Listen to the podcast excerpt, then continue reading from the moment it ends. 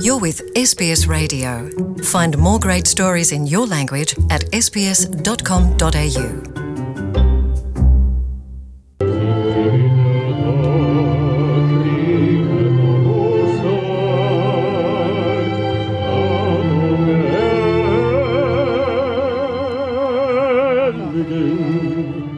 Сонсогч та бүхэндээ энэ өдрийн халуун мэндийг хүргэн мэдчилж байна.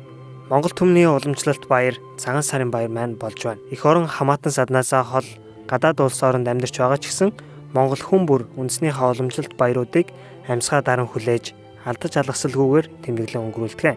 Австрали улсад амьдарч байгаа монголчуудын цагаан сарын баяр 2 сарын 3-ны өдөр буюу ням гарагт өргөн дэлгэр болж өнгөрсөн байгаа. Сидней хотод болсон энэхүү цагаан сарын баярын талбай дээрээс та бүхэндээ энэхүү подкаста хүргэж байна.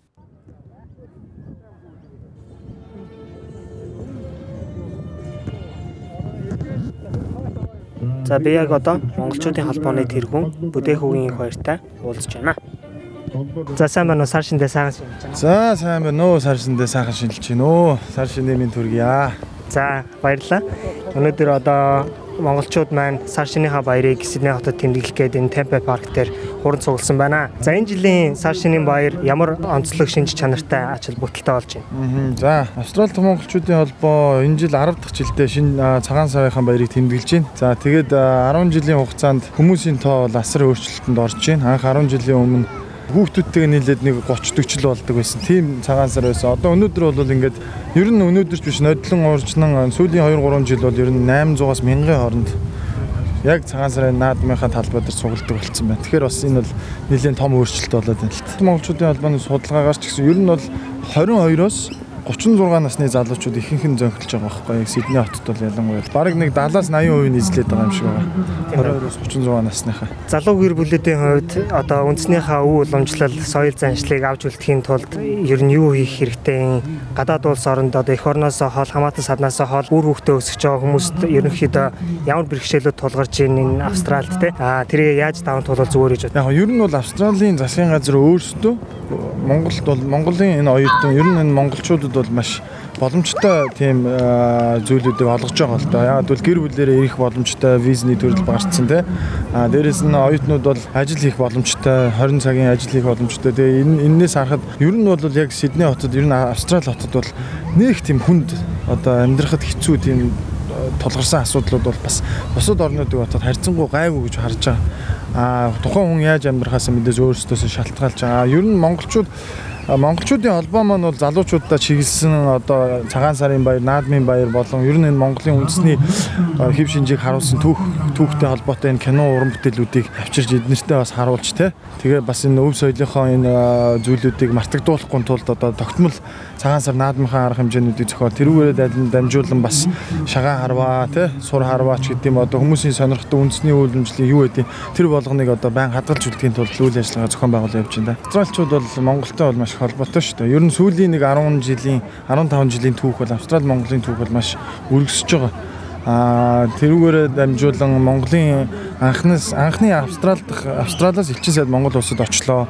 Саяхан ажиллаа буулаа. Тэгээ ер нь бол дипломат харилцаач тэр а Монгол Австралийн одоо хүмүүсийн харилцаач тэр ер нь их өдөр их тусам өргөжж байгаа. Дээрээс нь бас холбооны зохион байгуулж байгаа үйл ажиллагаан дээр бид нар аль болох гадаад хүмүүсийг өрөлдсөн өөрж оролцуулдаг ба. Тэр маань болохоор ер нь мэдээж Монгол хөв соёлоо сурчлах ба бусдад таниулах энэ маань өргөжөө цаашаа өшөө олон гадаадуудтай баяр наадам болох юм бол бас Монголын маань нэр хүндтэй хоёр орны маань харилцаанд ч гэсэн нэмэр нөлөө үзүүлэх байх гэж бодож байгаа л да. Ер нь Монгол улсыг бол маш их сонирхдаг шүү дээ аль ч орн дэлхийн тий. Тэгээ бас сонин содон хувц өмсдөг урлаг нь бас сонирхолтой морин уур хөөми энэ дээрээ бас Монголын тухай хоол унд нь ч гэсэн ер нь их гоё шүү дээ. Тэгэхээр тэр болгоныг сонирхож ирдэг байх л та. Тагаан сар шинэ жилийн баяр наадам бол энийг бол бид нар заашгүй хийдэг. А мөн хүүхдүүдэд баярлуулдаг. Хүүхдийн баяр болон хүүхдийн шинэ жилийг бол заавал хийдэг. А эдний хажуугаар бид нар одоо залуучуудаа чиглэсэн, оюутнуудаа чиглэсэн ч юм уу те эсвэл одоо ахмадуудаа чиглэсэн ч юм уу ганц нэг юмнууд бол хийд байгаа. Тэгэхээр энэ жилийн одоо 19 оны нууц гэдэг юм бол байхгүй те. Ер нь бол аль болох Монголд одоо аа бас сонирхол залуучуудыг сонирхлыг татж байгаа уран бүтээлчид болон эсвэл одоо тий кино уран бүтээл юу байдیں۔ а эсвэл одоо улс төрийн төлөөллүүд байд юм уу одоо том лектрүүд байд юм уу те тэднээс нь авчирж оролцуулъя гэсэн тиймэрхүү төлөвлөгөө сая бид нар нэг сарын хурлаараа баталсан байгаа. Улам жил бүрийн одоо юунуудаас арай илүү олон өргөн царварыг хамарсан тиймэрхүү арга хэмжээний зохиол зохион байгуулъя гэж бодож байгаа тийм. За за за маш их баярлалаа. Ажилтны амжилт хүсье. За баярлалаа.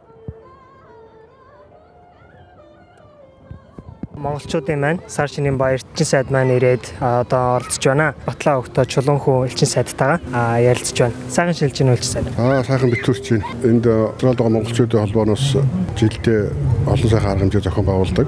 Наадам цагаан сар өөр бусад соёлын арга хэмжээ зохион байгуулдаг. Энд би өөрөө их оролж орж оролцох дуртай.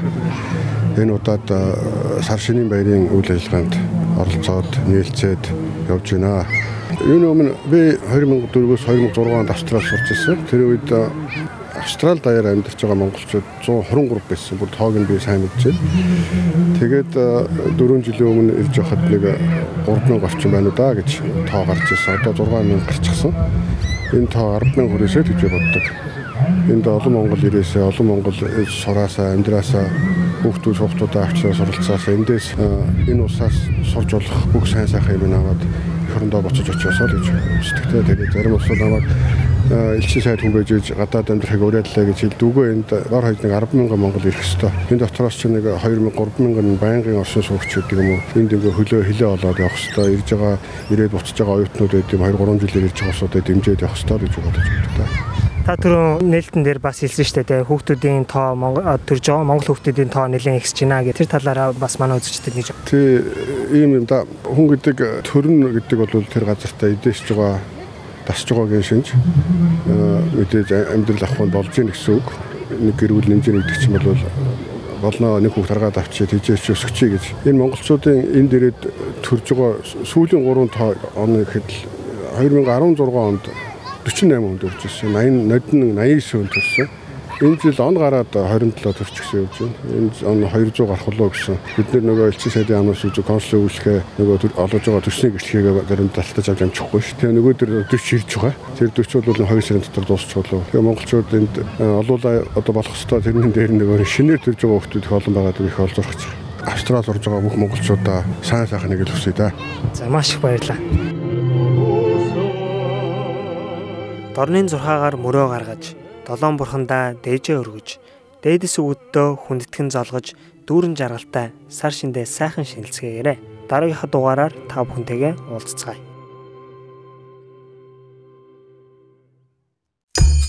Tell us what you think. Like us on Facebook or follow us on Twitter.